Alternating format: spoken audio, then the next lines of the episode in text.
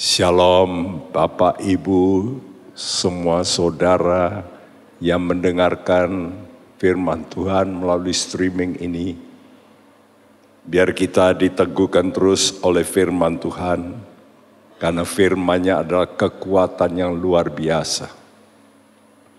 Kita sudah sedang membicarakan tentang hari raya daripada orang Israel yang di set up oleh Tuhan pertama pada musim semi, lalu musim panas, lalu musim gugur.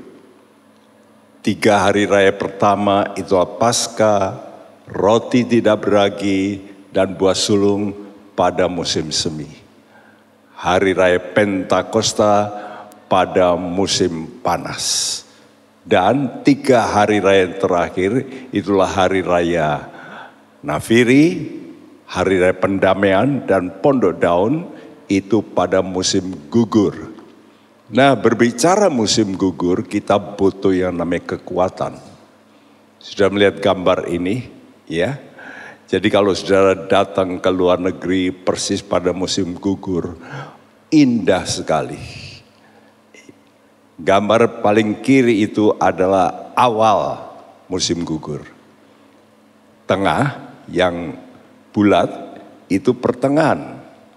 Dan kalau sudah lihat sudah parah musim gugurnya semacam itu. Sudah melihat kalau sudah perhatikan orang-orang yang akan gugur dalam kehidupan rohaninya kelihatan, kelihatannya saat-saat akan gugur itu justru lebih indah. Itu yang saya heran. Waduh, dia lagi, waduh, dipuji-puji orang. Wah, tapi dia nggak hati-hati. Nah, ya sangat indah. Tapi sebetulnya kalau sudah lihat daun-daun yang menjadi merah, kuning itu, pasti itu daun yang kurang sehat, bukan?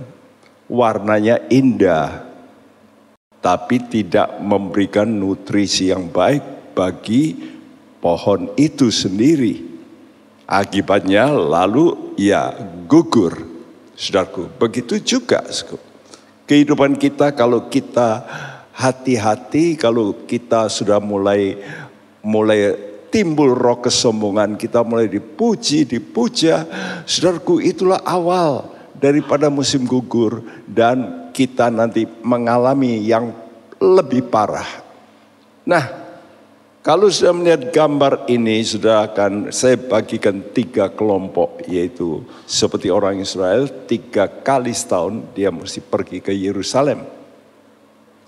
Tiga hari yang pertama, itu bicara semuanya tentang kekudusan. Bagaimana kita dikuduskan oleh darah Kristus. Lalu kita harus menyingkirkan ragi-ragi. Dan kita harus mempersembahkan tubuh yang kudus sebagai buah sulung. Ya, lalu pada pertengahan itulah hari Pentakosta. Di mana penuaian dari gandum mulai terjadi. Lalu tiga hari raya yang terakhir yang kita bicarakan sekarang ini yaitu hari raya Nafiri, pendamaian dan pondok daun. Dan itu terjadi pada bulan ketujuh dari kalender agama. Ya. Jadi orang Israel itu punya kalender agama tapi juga ada kalender sipil. Kalender agama dimulai pada bulan yang namanya Abib atau Nisan. Dan ini adalah bulan ketujuh yang disebut Tisri. Itu kira-kira September Oktober. Jadi musim gugur, fall. Ya. Saudaraku, dan ini bayangan daripada banyaknya kejatuhan-kejatuhan rohani pada akhir zaman, pada musim gugur ini. Ini harus kita perhatikan. Mari kita perhatikan apa yang dikatakan Tuhan dalam 2 Tesalonika 2 ayat 3 dan 4. Tolong dibacakan. Janganlah kamu memberi dirimu disesatkan orang dengan cara yang bagaimanapun juga. Sebab sebelum hari itu haruslah datang dahulu murtad dan haruslah dinyatakan dahulu manusia durhaka yang harus binasa, yaitu lawan yang meninggikan diri di atas segala yang disebut atau yang disembah sebagai Allah. Bahkan ia duduk di bait Allah dan mau menyatakan diri sebagai Allah. Ini peringatan yang harus kita perhatikan. Sku. Jangan kamu memberi dirimu disesatkan dengan cara yang bagaimanapun. Jadi, saudaraku, akhir zaman ini begitu banyak, saudaraku, uh, pengajaran-pengajaran yang membuat orang lalu bisa keliru, sesat. Ya. Sebab sebelum hari itu, apa itu? Hari Tuhan. Jadi perhatikan saya, saya tulis sebelah kanan itu hari Tuhan untuk menghancurkan antikris semua pekerjaan iblis itu dimulai nanti pada waktu kedatangannya ke bumi ya kedua kali. Tapi sebelum hari itu akan terjadi banyak yang namanya kemurtatan dan munculnya manusia durhaka yaitu antikris. Jadi sudah melihat dalam tulisan saya yang sebelah kiri malam hari Tuhan. Orang Yahudi menghitung hari itu dimulai sore, malam jam 6. Ya, seperti orang Jawa juga kalau hari ini Rebu atau hari ini Jumat, suku, maka kalau Jumat malam itu sudah disebut malam Sabtu. Nah, begitu ya. Saudaraku, jadi akan terjadi kemurtatan. Dan nanti pada pertengahan tujuh tahun itu, Antikris nanti menyatakan diri, aku ini Allah. Jadi zaman itu, zaman tujuh tahun terakhir, itu adalah zaman di mana antikris mulai bekerja dengan lebih bebas. Kenapa? Karena buah sulung, yaitu sebelah kiri yang hijau itu diangkat oleh Tuhan. Ya, sehingga dia bisa bekerja dengan bebas. Nah, itulah sebabnya sebelum itu pun terjadi kemurtatan-kemurtatan. Ini peringatan dari Tuhan. Nah, kalau kita sudah diperingatkan Tuhan begini, bagaimana sikap kita? Seringkali orang diberi peringatan, masih dia tidak mau sadar bahwa ini serius. Ya, peringatan ini serius. Jadi banyak orang Kristen yang dulunya sudah dilepaskan dari rantai dosa, eh dikat kembali dengan bermacam-macam masalah. Ya, seperti perahu yang sudah tidak ada nakodanya, diombang-ambingkan. Hidup kita bisa seperti itu. Ya, kenapa begitu? Karena iblis tahu waktunya sudah dekat. Dia ngerti, ini time out ini, hampir. Karena itu dia akan bekerja keras. Karena iblis itu sudah mengambil alih bumi ini waktu Adam dia diganti dengan satu buah, dia menjual hak berkuasa atas bumi ini. Itulah saya berkata tidak mau patuh pada Tuhan semacam itu. Nah, jadi kemurtadan ini pasti terjadi sebelum Tuhan Yesus ambil alih dengan kuasanya bumi ini. Dan ini yang kita tunggu-tunggu bukan Tuhan datanglah, Tuhan berkuasalah. Tapi ingat sebelum Tuhan ambil alih, ternyata iblis ini akan bekerja dahsyat dan banyak orang Kristen akan jatuh. Apalagi kalau nanti antikris muncul. Wow. Karena itu Tuhan selalu berkata, kalau kamu mau ikut aku, kamu pilih. Mau tidak? Menyangkal diri, pikul salib. Baru kamu bisa ikut. Karena itu mari kita pilih sekarang. Lebih baik menderita sekarang. Daripada nanti mengalami aniaya antikris. Itulah. Jadi ini a choice. It is up to you. Terserah. Anda mau sekarang menderita dengan rela lo ya. Karena itu jangan sampai saudara berpuasa tidak rela. Nanti saudara akan dipaksa tidak makan. Zaman kesulitan. Betul enggak? Ya, kadang-kadang kita tidak mau bangun untuk berdoa. Lain kali kita dipaksa oleh keadaan, kita jerit-jerit. Kita berdoa. Nah, jadi suku 2 Tesalonika pasal 1 ayat 5 dengan jelas mengatakan kita yang sekarang menderita, yang sekarang karena kebenaran itu sudah layak jadi warga sorga. Karena itu mereka-mereka yang begitu bisa menjadi buah sulung. Waktu Yesus datang di udara sudah dipetik lebih dulu.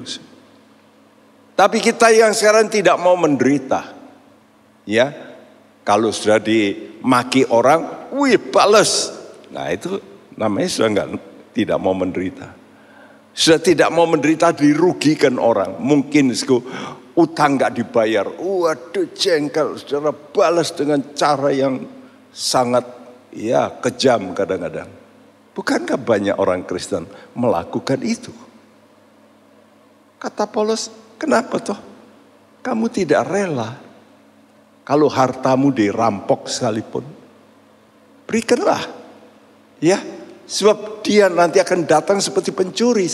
Bagi anak-anak Tuhan yang sudah siap, dia akan diangkat oleh Tuhan. Karena itu kita tugas kita jadilah terang sekarang ini. Kalau terang itu bisa menahan gelap. Karena itu sementara buah sulung gereja ini belum diangkat, maka dunia ini masih ada terangnya. Tapi nanti begitu buah sulung ini diangkat, maka kuasa iblis akan wih menyergap bumi ini. Kegelapan terjadi. Jadi ada yang menahan. Siapa yang menahan? Orang-orang percaya yang hidupnya terang. Ya, karena itu mari kita mau bersatu untuk menghadapi teror iblis pada akhir zaman yang makin kencang, salah satu semacam ini, COVID dan sebagainya. Ini kan teror. Supaya apa? Supaya kita takut.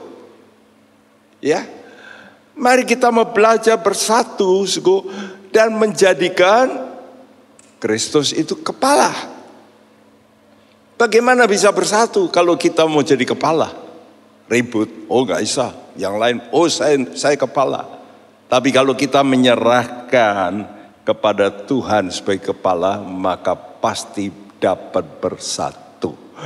Dan bersatu inilah yang dilakukan dalam tiga hari raya itu, yang harus juga kita kerjakan. Yang pertama itulah hari raya Nafiri, di mana Nafiri ditiup. Waktu Nafiri ditiup, itu panggilan. Ayo, apa? Berkumpul. Berkumpul untuk apa? Untuk persiapan.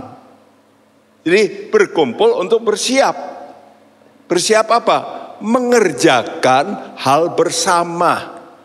Ya, jadi sebab ini pekerjaan yang besar, nggak bisa sendiri. Ingat ini, gereja-gereja yang besar jangan merasa saya sudah besar, saya bisa sendiri. Tidak bisa. Kita mesti menjadi satu baru bisa ngadepi yang namanya serangan sangat besar. Karena itu mari semua gereja Tuhan, anak-anak Tuhan harus sadar ini bahwa kita harus mengerjakan bersama sebagai tubuh Kristus. Kenapa? Karena waktu nafiri ditiup itu pun dilakukan waktu ada keadaan darurat bahaya emergency. Nah kalau sudah emergency itu oh, sudah. Ya, biasanya orang mau bersatu. Ya, saudara, tanggal satu bulan ketujuh Tisri itu sebetulnya dalam kalender sipil atau tahun sipil itu bulan yang pertama. Nah, orang Yahudi mengatakan Ros Hasana. Ros itu kepala. Ya, jadi kepala tahun.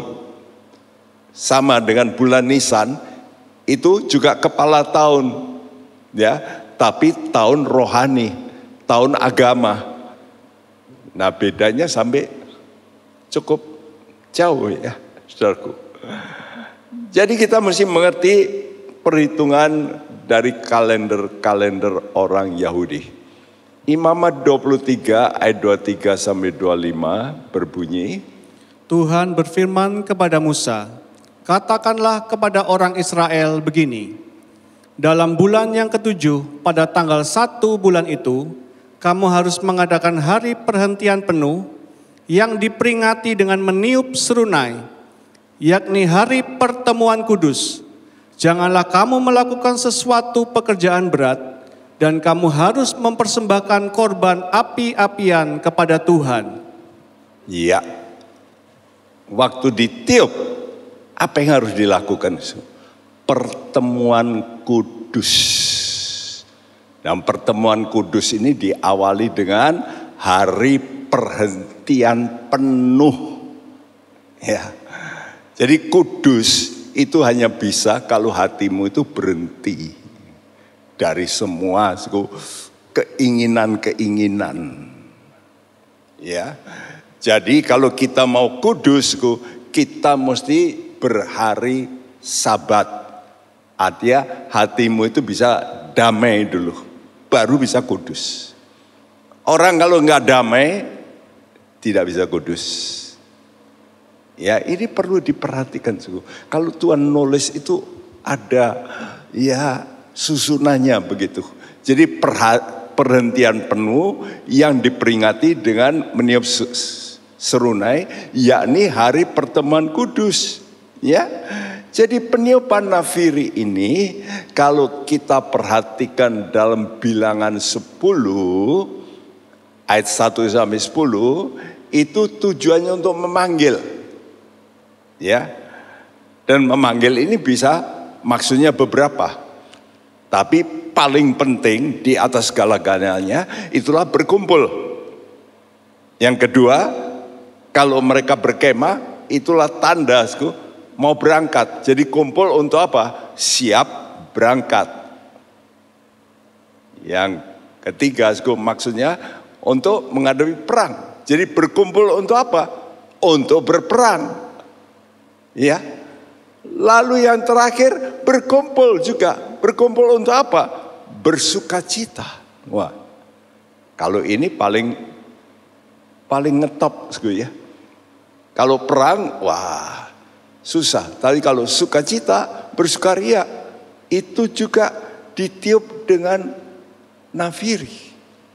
Nah, bukan kebetulan, Tuhan itu punya peraturan-peraturan yang begitu luar biasa. Ya, kadang-kadang suara ini ditiup melalui yang namanya tanduk.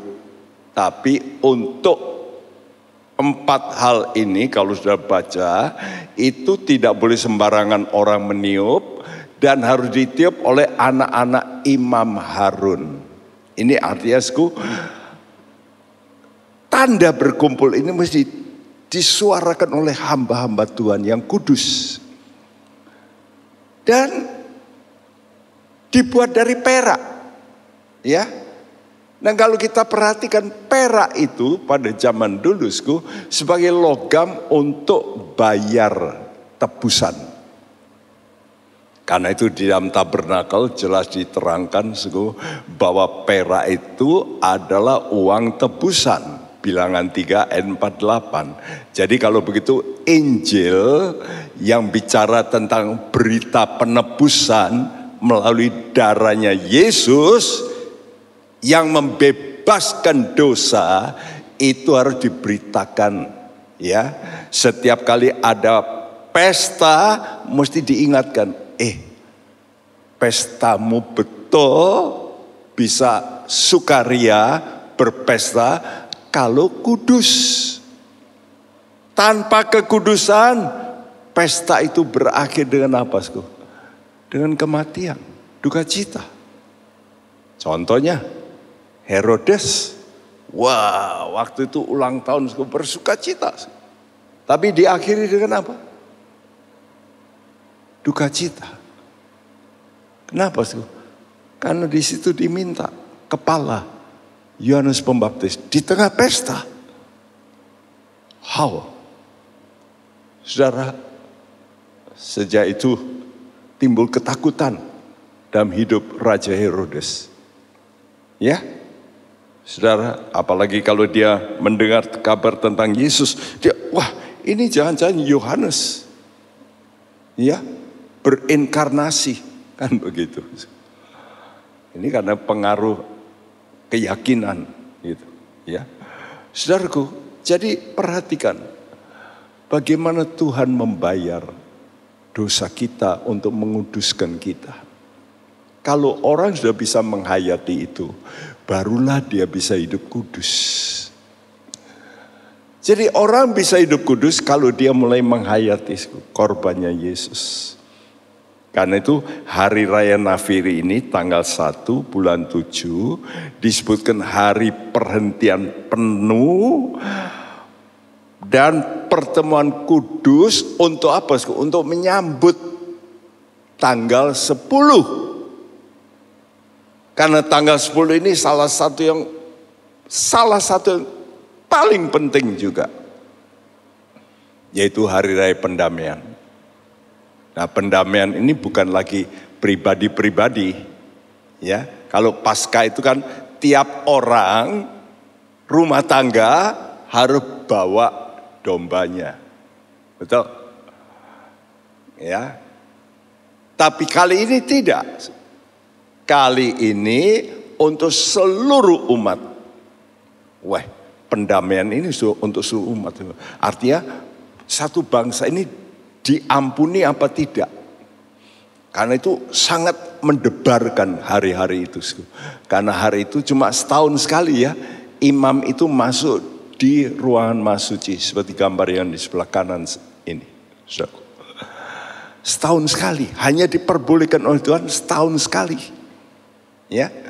Dan setahun sekali, suku, maka imam ini suku, harus menumpangkan tangan di atas dua ekor namanya kambing. Kambing yang satu dipotong untuk korban. Tapi kambing yang satu itu menjadi kambing yang disebut Azazel. Ya, scapegoat. Scapegoat itu artinya kambing yang melarikan diri, liar gitu. Tapi bukan liarnya kenapa? Karena diusir jadi digiring oleh seorang, ditarik ke mana? Ke padang gurun. Bayangin, kambing itu perlu apa? Makanan. Kambing itu perlu rumput.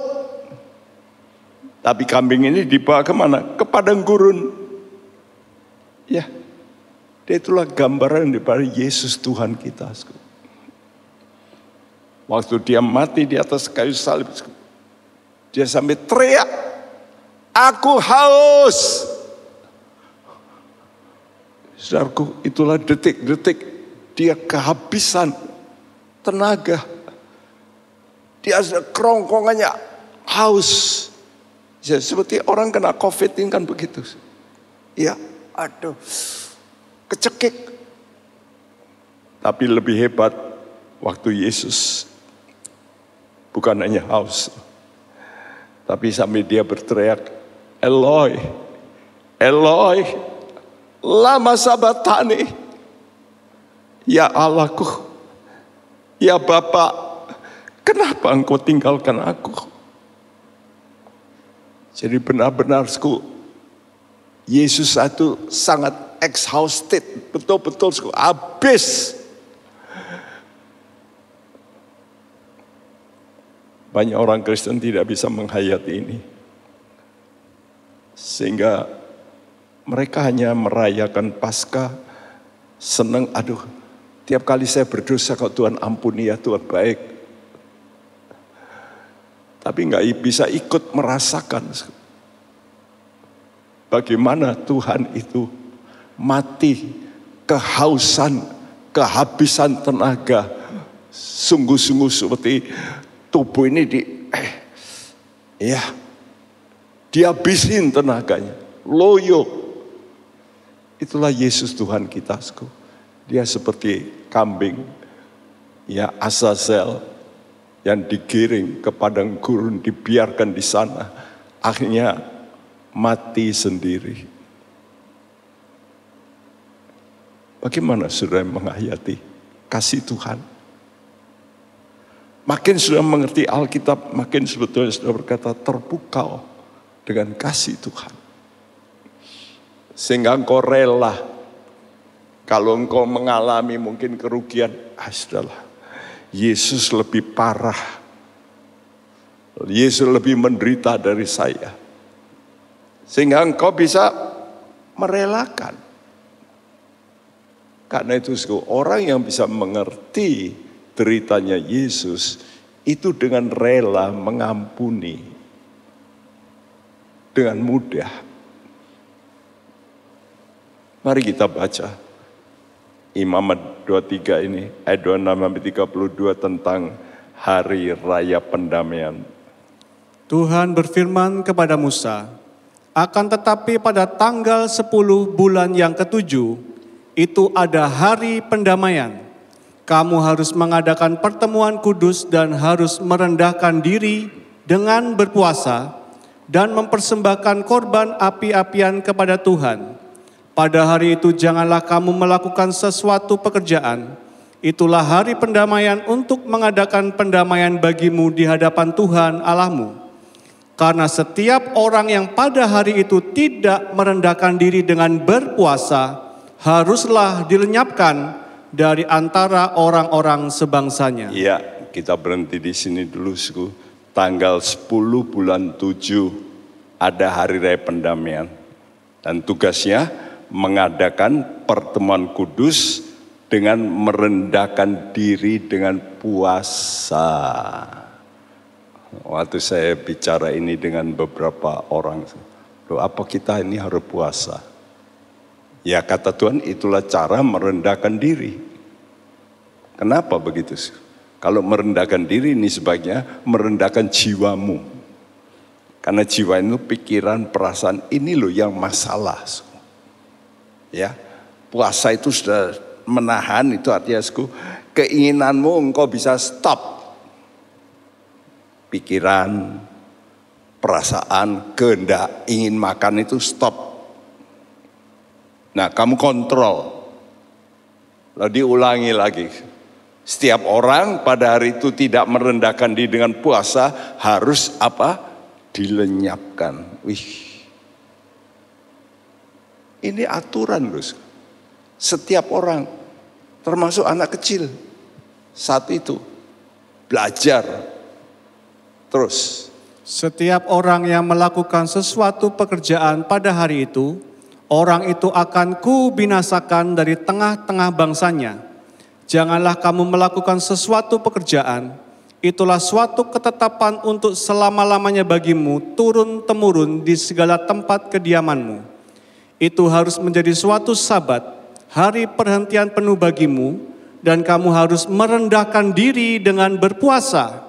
Mulai pada malam tanggal 9 bulan itu, dari matahari terbenam sampai matahari terbenam, kamu harus merayakan sabatmu. Iya, ancaman yang paling keras justru di sini.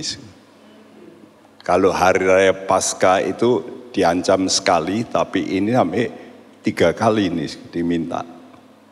Ya harus harus apa? Puasa merendahkan diri. Jadi tiga perintah wajib. Ini no option wajib merendahkan diri dan puasa dengan puasa memang itu cara ya jadi ada orang-orang yang wah sukar merendahkan diri. Coba sudah belajar puasa, nanti kan saudara itu bisa kehilangan rasa perasaanmu yang ingin menang itu. Ya. Dan yang tidak melakukan dilenyapkan. Nah, itu juga pernah Tuhan katakan untuk hari raya Paskah. Tapi dengan catatan hari raya Paskah ini harus dilanjutkan dengan apa? Hari raya roti tidak beragi selama tujuh hari. Jadi hari raya roti tidak beragi itu mencakup hari raya Paskah. Pada malam hari raya Paskah itu sudah makan roti tidak beragi. Sudah. Dan terus berlanjut sampai tujuh hari. Ya.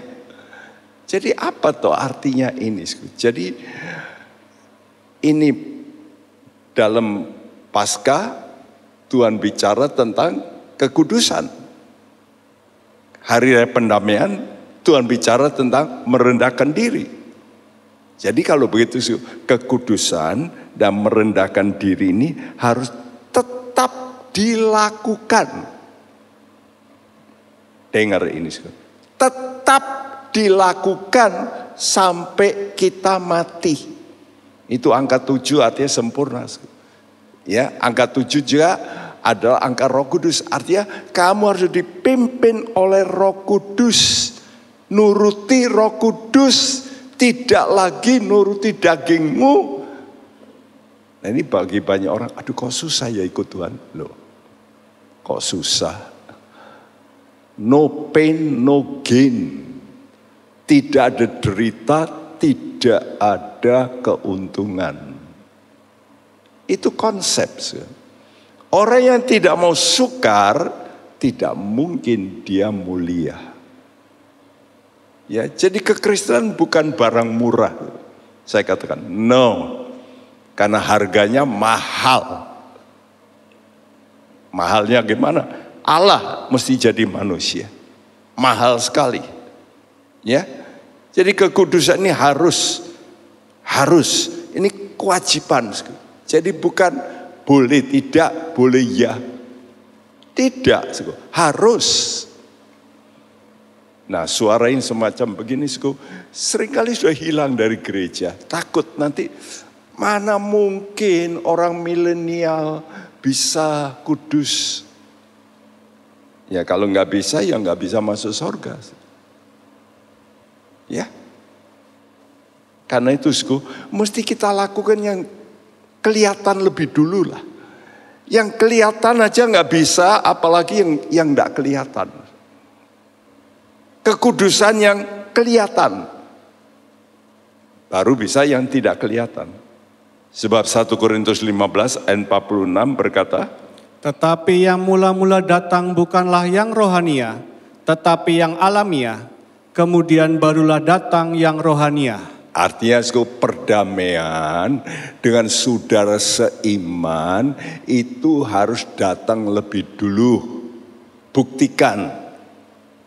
Karena itu kalau dalam gereja ada benturan antara orang dengan jemaat yang lain. Atau yang paling banyak tentu suami dan istri, bukan? Nah kalau ini saja nggak bisa, apalagi mau hidup kudus. Bagaimana mungkin gitu Ya, dengan suami aja nggak mau ngampuni, dengan istri nggak mau ngampuni, bagaimana bisa dengan Tuhan, apalagi dengan orang lain? Gak mungkin. Jadi perdamaian ini mesti dimulai secara jasmani, baru bisa rohani. Karena itu saudaraku, kata Tuhan kamu mesti berusaha. 1 Petrus 3 mengatakan, karena perdamaian itu adalah tanda orang mencintai hidup. Ya, 1 Petrus 3 mengatakan siapa yang mencintai hidup haruslah berusaha berdamai. Saudara mau cinta hidup apa enggak?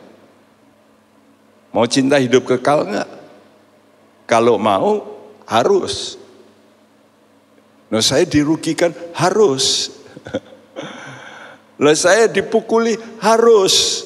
Istri berkata nggak bisa. Karena sudah dipukul nggak bisa mesti cerai. Nah ini kebanyakan begitu. Sehingga karena diizinkan oleh beberapa pendeta. Ya kalau sudah mukul ya boleh cerai. Loh siapa yang bilang gitu.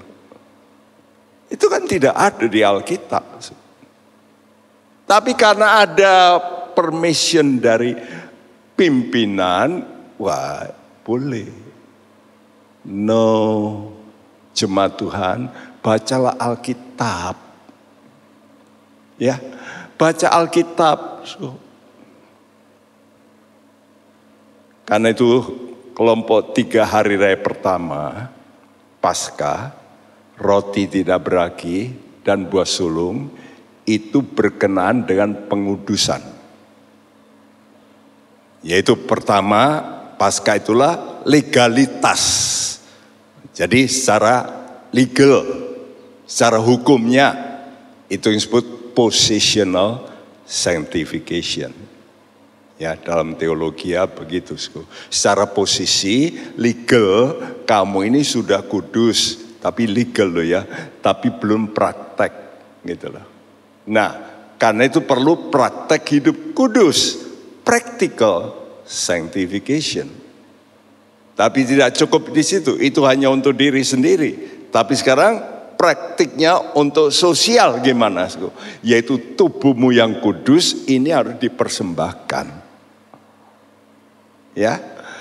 Jadi ada positional sanctification, ada practical sanctification, tapi ada lagi yang disebut kita mempersembahkan tubuh kita yang kudus. Nah, tiga hal ini harus kita lakukan seumur hidup sampai Tuhan datang atau kita mati. Ya. Kenapa begitu? Kenapa harus begitu? Sebab kata Tuhan, tanpa kekudusan seorang pun tidak dapat melihat Tuhan. Nah kalau nggak bisa lihat Tuhan apalagi masuk sorga. Mana mungkin. Karena itu suku, kita ini jangan sampai deviasi oleh karena ada yang mengajar ya bolehlah Masuk Tuhan itu begitu jahat. Nah, kita dengarkan begitu, itu kan manusiawi. Karena itu sekarang hukum Tuhan itu sering kali diblend, dicampur dengan perasaan kemanusiaan. Ini yang saya katakan humanisme good. Tapi jangan sampai bertentangan dengan hukum Tuhan. Misalnya hukum Taurat, Good apa enggak? Good. Ditulis di mana? Perjanjian baru. Ya. Untuk orang yang tidak mau melakukan hukum Tuhan, hukum Taurat pakai. Dulu orang wah, kalau gitu Pak Bekti ini orang anu ya, Taurat ya. Bukan. Saya hidup dalam anugerah, tapi hukum Taurat itu baik kalau orang melanggar. Kenakanlah hukum Taurat. Karena surat Timotius juga berkata begitu. Ya, hukum Taurat itu baik untuk pelanggar. Ya, karena itu kita mesti betul-betul berusaha untuk mengejar kekudusan ini. Jelas kok. Jadi ini perlu usaha. Jadi jangan, loh sudah kok sudah dibayar Tuhan, sudah, sudah suci, sudah. Kalau sudah suci, Tuhan nggak perlu ngomong ini. Berusahalah hidup damai dan kejarlah kekudusan. Nggak perlu toh. Aneh, tapi banyak orang senang mendengar begitu. Ya, karena Tuhan sudah menghapus dosa kita sekali untuk selama-lamanya. Ya memang betul, kalau diikuti dengan hari raya roti tidak beragi. Kan begitu. Ya. Ini loh, sku. Jadi saudara kalau dengar firman Tuhan, saya begitu dengar cek, ah, ini half truth. Not the whole truth. Half truth. Dan saya sudah terangkan berkali-kali, half truth itu sama dengan a lie, dusta. Iblis kan begitu. Half truth. Jadi kekudusan harus diusahakan. Apa tuh yang diusahakan? Perdamaiannya, gitu loh. Jadi bukan kekudusannya, perdamaiannya. Sebab kalau tanpa ada damai, nggak bisa kudus. Coba bacakan Ibrani 12 ayat 14. Berusahalah hidup damai dengan semua orang dan kejarlah kekudusan. Sebab tanpa kekudusan tidak seorang pun akan melihat Tuhan. Ya, saudara, sekarang saudara kalau breng, apalagi dengan pelayan Tuhan, hamba Tuhan, ayo damai. Apalagi pendeta dengan pendeta, lebih celaka lagi. Kalau nggak bisa damai itu saya katakan, gimana dengar perkataan semacam ini? Apa nggak rasa salah gitu. Ya, saudaraku. Jadi jelasku, kekudusan dalam praktek hidup bersosial itu hanya mungkin terwujud kalau ada atmosfer damai lebih dulu.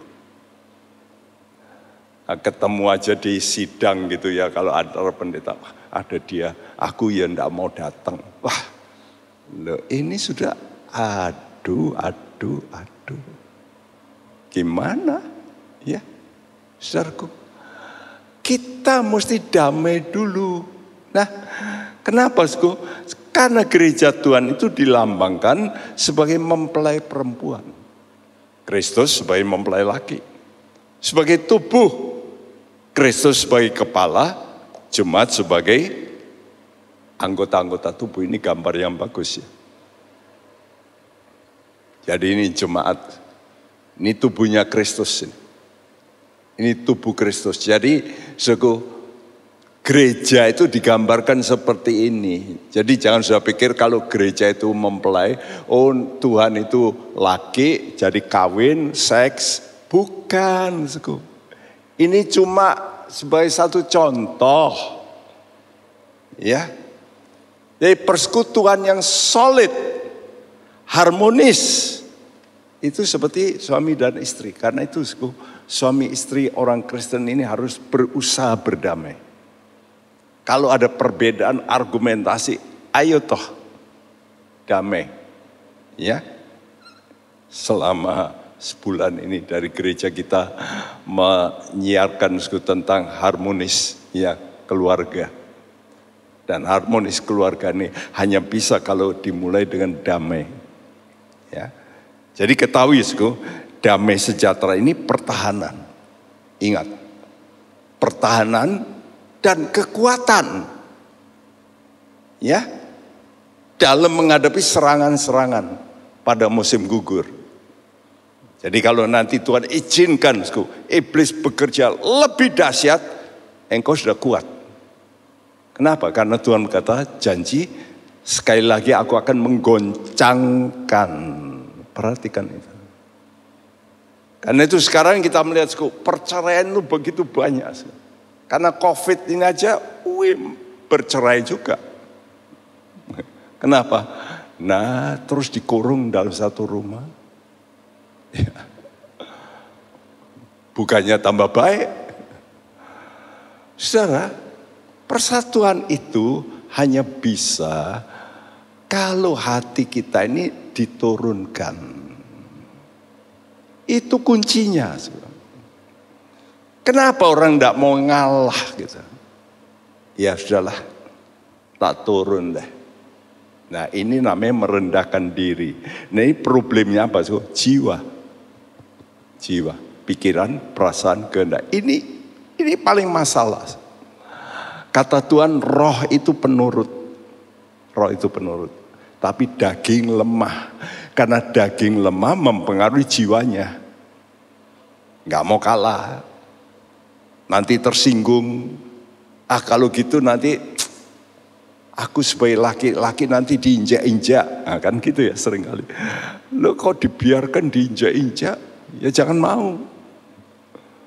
Saudaraku, lebih baik diinjak tapi mumbul naik. Gitu. Daripada nggak diinjak, habis. Saudara, merendahkan diri itu seperti air yang turun. Jadi mari kita mempunyai hati seperti itu, lunak, turun, ya, terus turun. Kalau batu sulit turun, Makin besar, makin ya tetap di situ. Karena beratnya itu. Tapi kalau air itu, itu akan turun. Nah Yesus sudah memberikan contoh ini. Bagaimana dia Allah yang turun menjadi manusia. Dan bukan hanya menjadi manusia di istana. Tapi menjadi manusia paling miskin. Dan paling hina. Lahir di kandang. Dan di palungan. Saya kira nggak ada di seluruh dunia. Anak lahir di palungan nggak ada. Matinya pun sebagai orang terkutuk disamakan dengan perampok, penjahat. Itulah Tuhan kita.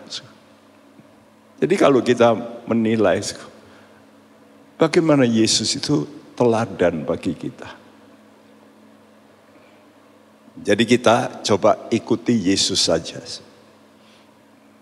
Ya, saudara boleh niru pendeta yang ikuti Yesus gitu loh. Seperti Paulus berkata, ikutlah aku karena aku mengikut Kristus. Jadi kalau sudah hanya ikut pendeta karena wah, dia lebih pintar, korbannya lebih baik. Kalau cuma korbannya lebih baik tapi hidupnya tidak rendah hati, saya berkata, kenapa toh mesti mengikut yang begitu? Tuhan bukan mencari orang pandai. Tuhan mencari hati. Karena itu saya melihat pendeta-pendeta di desa-desa kadang-kadang sederhana. Nanti saya pikir banyak orang-orang itu upahnya jauh lebih besar. Dari pendeta-pendeta yang ternama. Kenapa? Kerendahan hati bagi Allah itu menarik sekali. Dan waktu saya belajar tentang Kidung Agung, wah satu ayat kadang-kadang bisa satu hari saya renungkan, aduh Tuhan itu bisa, nggak bisa lari. Kalau melihat anak Tuhan punya kualitas yang memukau, dia itu, wah, orang Jawa bilang kepincut Ya. Benar, kalau sudah baca Kidung Agung, wow, luar biasa. Ya. Apalagi kalau orang itu tunduk pada otoritas. Itu bagi Tuhan, aduh. Karena itu orang yang tunduk pada otoritas itu satu kali pasti dengan cara apa pun diangkat Tuhan. Itu saya yakin seperti dalam Kidung Agung. Karena Tuhan itu terpukau. Ya. Kalau sudah baca Kidung Agung dikatakan, ya Dinda, hatiku berdebar. Melihatmu apa itu matamu aja sudah aku sudah saya waktu merenungkan itu Tuhan biar aku bisa memukau engkau Tuhan dan biar itu menjadi kerinduan kita sebagai mempelai Tuhan. Memukau hatinya Tuhan. Hari Raya Nafiri ini kemudian diikuti Hari Raya Pendamaian. Apa maksudnya? Maksudnya panggilan untuk bersatu. Dalam satu kesatuan yang kokoh. Mengapa? Karena kita akan menghadapi badai hidup yang tidak mudah. Coba kalau saudara sendiri nyebrang sungai yang deras. Coba kalau sendiri. Hanyut. Coba kalau kita ribuan orang nyebrang sampai pegangan sungai. Oh tidak. Ya, tahan. Kenapa, Sku? Karena masing-masing punya ya namanya pertahanan. Ya. Makin banyak tonggaknya di tempat arus itu makin kuat tentunya fondasi itu. Dan begitu juga kita. Marilah kita belajar. Jangan sampai kita ini mempunyai hati untuk uh, tidak mau merendahkan diri. Dan tandanya itu kita mesti kumpul memang. Kadang-kadang kumpul dengan orang yang tidak kita sukai. Ya. Seringkali orang begitu sudah tidak disukai, alergi. Wah, saya sedih. Tapi saya beruntung melihat jemaat beberapa jemaat dulunya alergi bahkan kalau dia mimpin pujian, waduh Pak Bekti mau diganti. Loh benar sih, usulnya begitu loh. Tapi saya doakan terus, eh berubah. Akhirnya bisa ketemu, bisa bersama, waduh puji Tuhan. Karena itu suku pelajaran ini hari ini berkata, yuk minta roh kudus. Karena hanya roh kudus, roh kesempurnaan itu bisa menyempurnakan kekudusan kita sempurna adanya. Haleluya. Karena itu suku, saya akhiri dengan gambar ini lagi. Jadi kudus, lalu engkau bisa berbuah, buah yang lebat, dan engkau bisa bersatu. Jadi kalau cuma kudus, engkau sendiri, engkau nanti tidak kuat. Tapi kalau engkau berbuah, hati engkau bisa suku punya satu kelompok. Ya, berbuah. Lalu buah ini membawa kepada persatuan.